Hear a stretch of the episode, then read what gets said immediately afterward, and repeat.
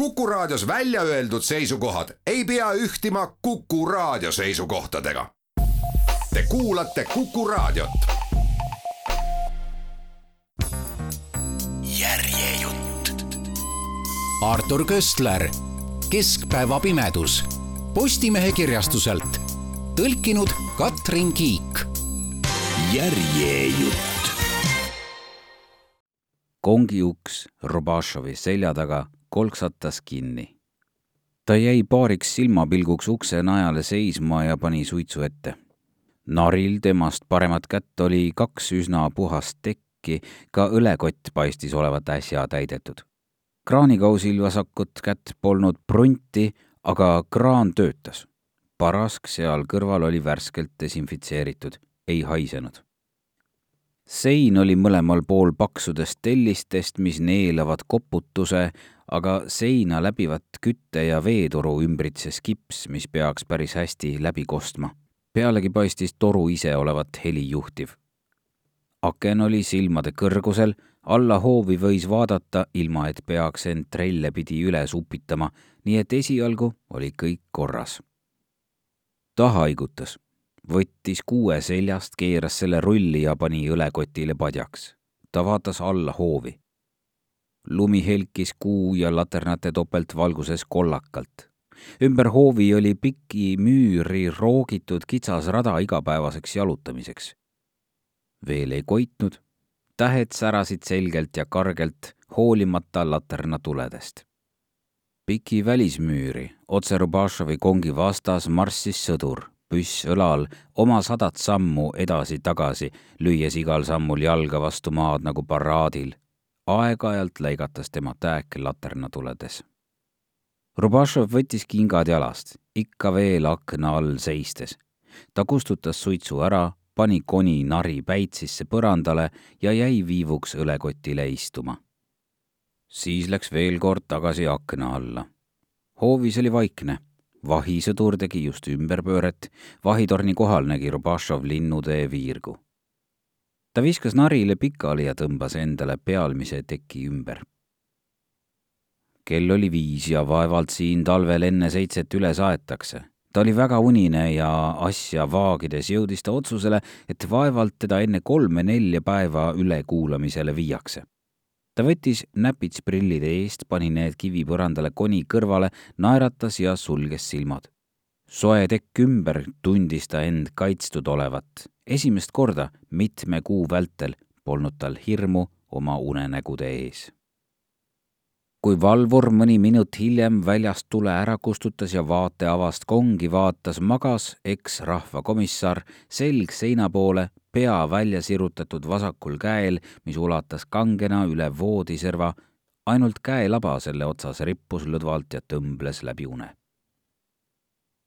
tund aega tagasi, kui kaks siseasjade rahvakomissariaadi ametimeest Rubašovi ukse taga prõmmisid, et teda arreteerida, oli Rubašov parajasti unes näinud, et teda on tuldud arreteerima. koputamine oli läinud üha valjemaks ja Rubašov oli püüdnud üles ärgata.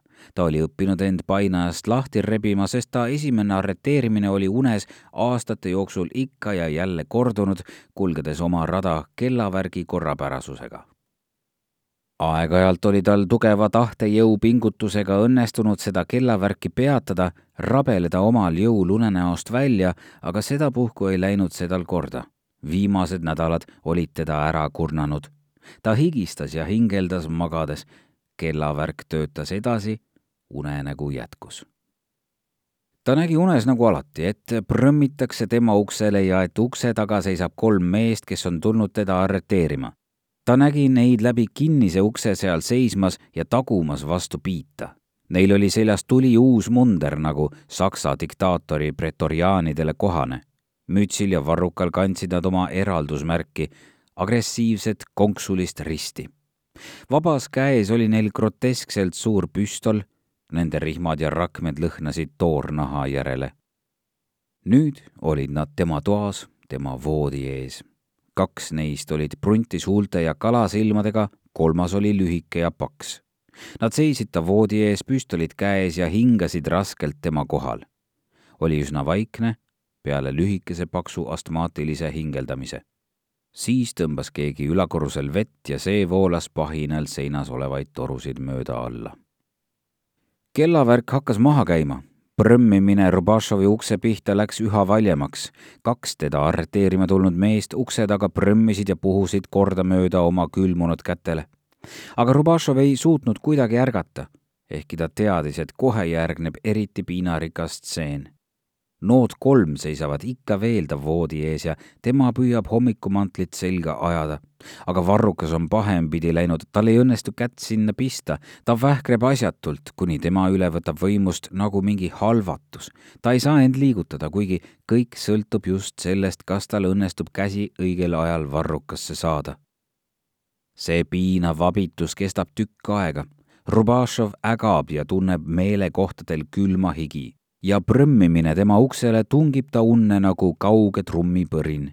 ta käsivars padja all tõmbleb palavikulisest ponnistusest hommikumantli varrukat leida, siis lõpuks saabub vabanemine esimese purustava püstolipära hoobina vastu ta kõrva selle sadu kordi uuesti läbi elatud tuttava tunde peale, mis oli jäänud sellest esimesest hoobist, millest pärines ka ta kurtus, ärkas ta tavaliselt üles natuke aega värises ta veel ja tema padja alla litsutud käsi jätkas hommikumantli varruka otsimist, sest tavaliselt tuli tal enne täielikku ärkamist läbi elada veel kõige viimane ja kõige hullem järk.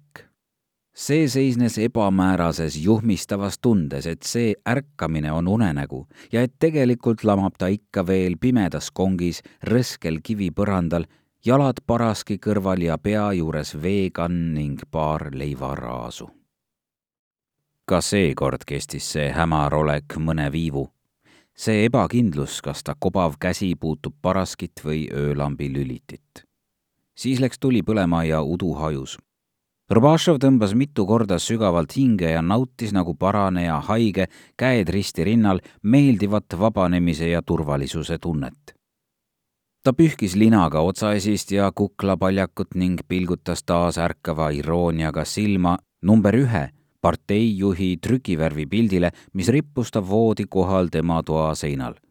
nagu kõigi teiste tubade seintel, nii tema kõrval, all kui peal. kõigil seintel kogu selles majas, kogu selles linnas, kogu sellel määratul maal, mille eest ta oli võidelnud ja kannatanud ja mis oli nüüd võtnud ta tagasi oma määratusse kaitsvasse rüppe.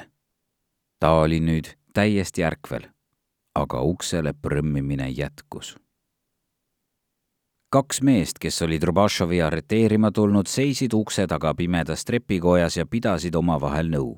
kojamees Vassili, kes oli tulnud neile teed näitama, seisis lahtisel lifti uksel ja hingeldas hirmust. Ta oli kõhn vana mees, tema öösärgi peale tõmmatud sineli rebenenud krae kohal hakkas silma lai punane arm, mis andis talle näärmehaige välimuse see oli kunagise kaelahaava jälg kodusõja ajast, mille ta oli läbi teinud Rubašovi partisanipolgus võideldes. hiljem oli Rubašov välismaale saadetud ja Vassili oli temast kuulnud ainult juhuslikult ajalehe sõnumitest, mida tütar talle õhtuti ette luges. Tütar oli talle ette lugenud kõnesid, mida Rubašov kongressidel pidas, need olid pikad ja neist oli raske aru saada Vassili polnud eales suutnud tabada neis selle kunagise väikese habemiku partisani komandöri tooni, kes oli osanud nii ilusasti vanduda, et isegi kaasani jumala ema oleks selle peale muianud. tavaliselt jäi Vassili nende kõnede ajal tukkuma, aga ärkas alati üles, kui tütar pühalikult häält tõstes lugemisega viimaste lausete ja aplausi juurde jõudis iga tseremoniaalse lõpplause peale elagu internatsionaal, elagu revolutsioon, elagu number üks, lisas Vassili sosinal puhtsüdamliku aameni, nii et tütar ei kuuleks. võttis siis vammuse seljast, lõi salaja ning süüdlaslikult risti ette ja heitis voodisse. Ka tema voodi kohal rippus number ühe portree ja selle kõrval Rubašovi foto partisani komandörina kui see foto oleks kellelegi silma hakanud, oleks tedagi ilmselt ära viidud. trepikojas oli külm, pime ja väga vaikne. noorem kahest siseasjade rahvakomissariaadi mehest pani ette ukselukk puruks tulistada. Vassili nõjatus vastu lifti just, talle polnud aega jäetud saapaid korralikult jalga panna ja ta käed värisesid nii, et ta ei saanud paelu kinni. vanem kahest mehest oli tulistamise vastu. Arreteerimine pidi toimuma tähelepanu äratamata. Nad mõlemad puhusid oma kohmetanud kätele ja hakkasid uuesti vastu ust prõmmima. noorem tagus ust revolvri päraga.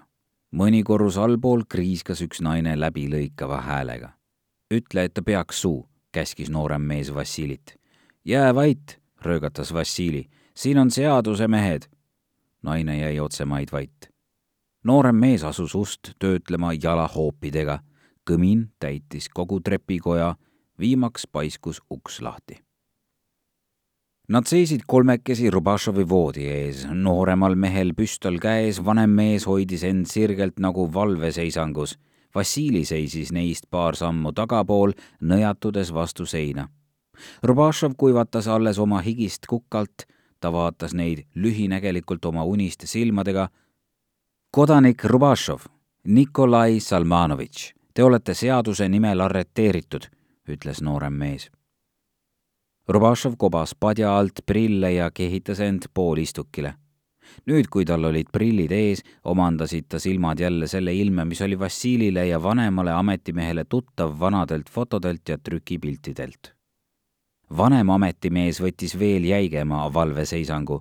noorem, kes oli üles kasvanud uute kangelaste all, astus sammu voodi poole kõik kolm nägid, et ta kavatseb öelda või teha midagi jõhkrat, et oma kohmetust varjata. pange oma tukk ära, seltsimees, ütles talle Rubašov, ja üldse, mis te minust tahate? Öeldi ju, et te olete arreteeritud, vastas poiss. pange riidesse ja ärge ilmaaegu õiendage. kas teil order on? küsis Rubašov. vanem ametimees tõmbas taskust mingi paberi, ulatas selle Rubašovile ja võttis jälle valveseisangu. Rubašov luges seda tähelepanelikult. hea küll, ütles ta.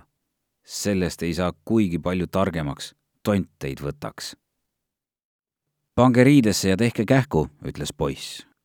oli näha, et ta jõhkrus polnud enam tehtud, vaid et see oli talle loomuomane. kena põlvkonna oleme üles kasvatanud, mõtles Rubašov. talle tulid meelde agitatsiooniplakatid, kus noori kujutati alati naerul näoga. ta tundis väsimust. Ulatage mulle hommikumantel selle asemel, et siin oma revolvriga vehkida, ütles ta poisile. poiss läks näost punaseks, aga ei öelnud sõnagi vanem ametimees ulatas Rubašovile hommikumantli. Rubašov toppis käe varrukasse, seekord läks õnneks, ütles ta tehtud naeratusega. teised kolm ei saanud sellest aru ja ei öelnud midagi.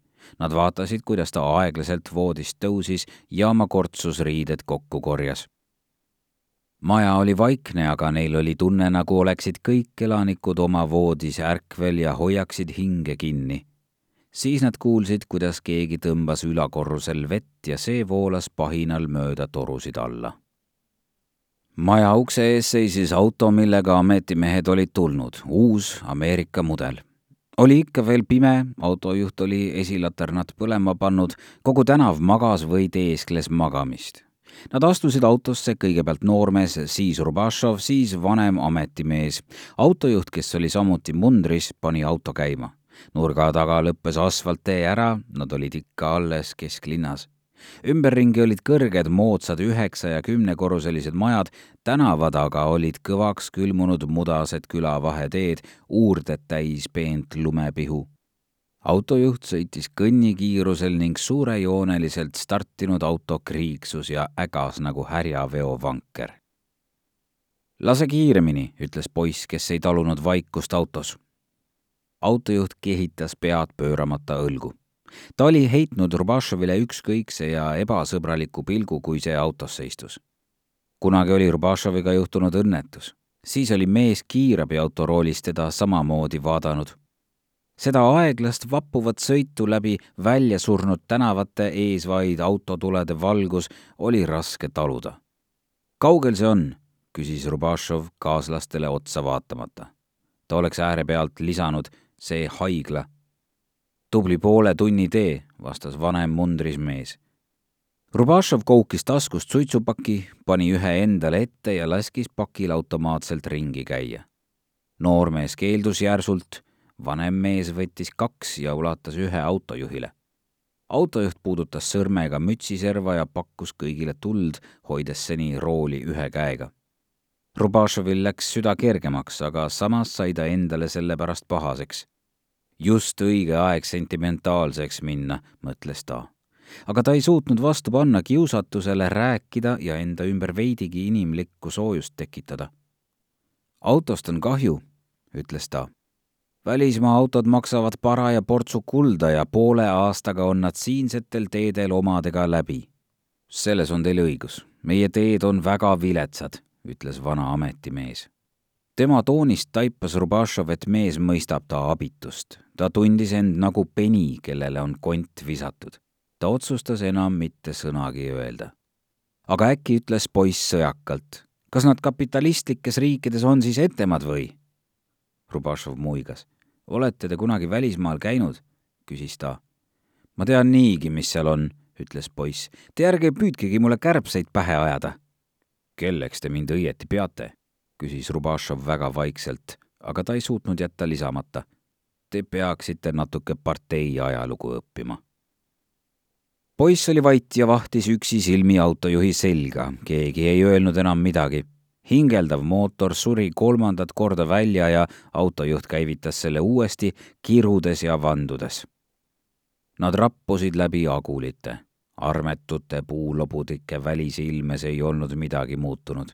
Nende längus siluettide kohal rippus kuu, kahvatu ja külm kõigis uue mustervangla koridorides põles elektrivalgus. see kumas kahvatuna raudgaleriidel, lagedatel valgeks lubjatud seintel ja nimesildi ning mustava juudasilma auguga kongiustel. see värvitu valgus ja sammude kime kajatu klõbin kivipõrandal oli Rubašovile nii tuttav, et ta mängis mõne hetke kujutlusega, et näeb jälle und. ta püüdis panna end uskuma, et see kõik pole päriselt kui mul õnnestub uskuma jääda, et ma näen und, mõtles ta, siis ongi see kõik tõesti unenägu. ta pingutas nii, et tal hakkas pea pööritama. siis äkki tabas teda ängistav häbitunne. see tuleb läbi teha, mõtles ta, otsast lõpuni. Nad jõudsid neljasaja neljanda kongi juurde, vaateava kohal oli silt tema nimega. Nikolai Salmanovitš Rubašov Nad on kõik kenasti ette valmistanud, mõtles ta. oma nime nägemine sildil tõi talle kananaha ihule. ta tahtis valvuri käest lisatekki küsida, aga uks oli tema taga juba kinni kolksatanud. valvur oli korrapäraste vaheaegade tagant läbi juuda silma Rubašovi kongi piilunud Rubašov oli vaikselt naril lamanud, üksnes ta käsi oli magades aeg-ajalt tõmmelnud. nari kõrval kivipõrandal olid ta näpitsprillid ja suitsukoni. hommikul kell seitse, kaks tundi pärast seda, kui Rubašov toodi neljasaja neljandasse kongi, äratas teda pasuna hääl. ta oli maganud sügavat unenägudeta und ja ta pea oli selge. pasun kordas kolm korda ühte ja sama plärisevat sekventsi värelevad helid kajasid vastu ja vaibusid siis, jättes järele halvaendelise vaikuse. päev polnud alanudki, ähmane valgus pehmendas paraski ja kraanikausi piirjooni. trellid moodustasid räpase aknaklaasi taustal siluetina tumeda mustri. ülal vasakul oli katkisele ruudule kleebitud tükk ajalehte Rubašov tõusis istuli, küünitas voodi päitsist võtma oma näpitsprille ja koni ning heitis uuesti pikali. ta pani prillid ette ja sai koni kuidagi hõõguma. vaikus kestis. kõigis selle betoonkärje lubjatud kongides tõusid mehed korraga oma narilt, vandusid ja kobasid kivipõrandal, kuid üksikkongides polnud midagi kuulda peale aeg-ajalt kaugenevate sammude koridoris Rubašov teadis, et ta on üksikkongis ja et sinna ta jääb, kuni ta maha lastakse. ta tõmbas sõrmedega läbi lühikese terava habeme, suitsetas oma koni ja lamas liikumatult. niisiis lastakse mind maha, mõtles Rubašov. silmi pilgutades jälgis ta oma suure varba liikumist, mis end voodi otsas püsti ajas. tal oli soe ja kindel tunne ja ta oli väsinud tal poleks midagi selle vastu olnud, et otsekohe surmale suikuda, kui teda ainult lubataks lesida selle sooja teki all. niisiis nad lasevad sind maha, ütles ta iseendale. ta liigutas aeglaselt varbaid soki sees ja talle turgatas pähe üks värss, kus Kristuse jalgu võrreldakse valge metskitse sokuga astelpõõsas. Ta hõõrus oma näpitsprille vastu varrukad kõigile tema austajaile tuntud liigutusega. ta tundis end sooja teki all peaaegu täielikult õnnelikuna ja pelgas üksnes seda, et ta peab üles tõusma ja end liigutama. niisiis, sind hävitatakse ära, ütles ta endale poolvaljusti ja süütas uue suitsu, ehkki neid oli järel kõigest kolm tükki. Esimesed tühja kõhu peale tõmmatud suitsud olid temas tekitanud vahel kerge purjusoleku tunde ja ta oli juba selles veidras erutusseisundis, mis oli talle varasematest surma ligioleku kogemustest tuttav samal ajal teadis ta, et see seisund on laidu väärt ja teatavast vaatekohast lubamatu, aga hetkel polnud tal tahtmist sellele vaatekohale asuda. selle asemel jälgis ta oma varvaste mängu sokis ja naeratas. Soe kaastundelaine oma keha vastu, millest ta muidu ei hoolinud, valgus üle tema ja selle keha peatne häving täitis teda enesehaletsuse naudinguga. vana kaardivägi on surnud ütles ta endamisi. meie oleme viimased. meid hävitatakse. ihuväge, vaimutuld ühteviisi matab muld. Ta püüdis meelde tuletada selle matab muld viisi, kuid meenusid üksnes sõnad. vana kaardivägi on surnud, kordas ta ja püüdis meenutada nende nägusid. vaid mõni üksik tuli talle meelde internatsionaali esimesest esimehest, kes oli hukatud kui reetur, suutis ta silme ette manada üksnes ruudulise vesti pisut ümaral kõhul. see mees ei kandnud kunagi trakse, alati ainult nahkrihma.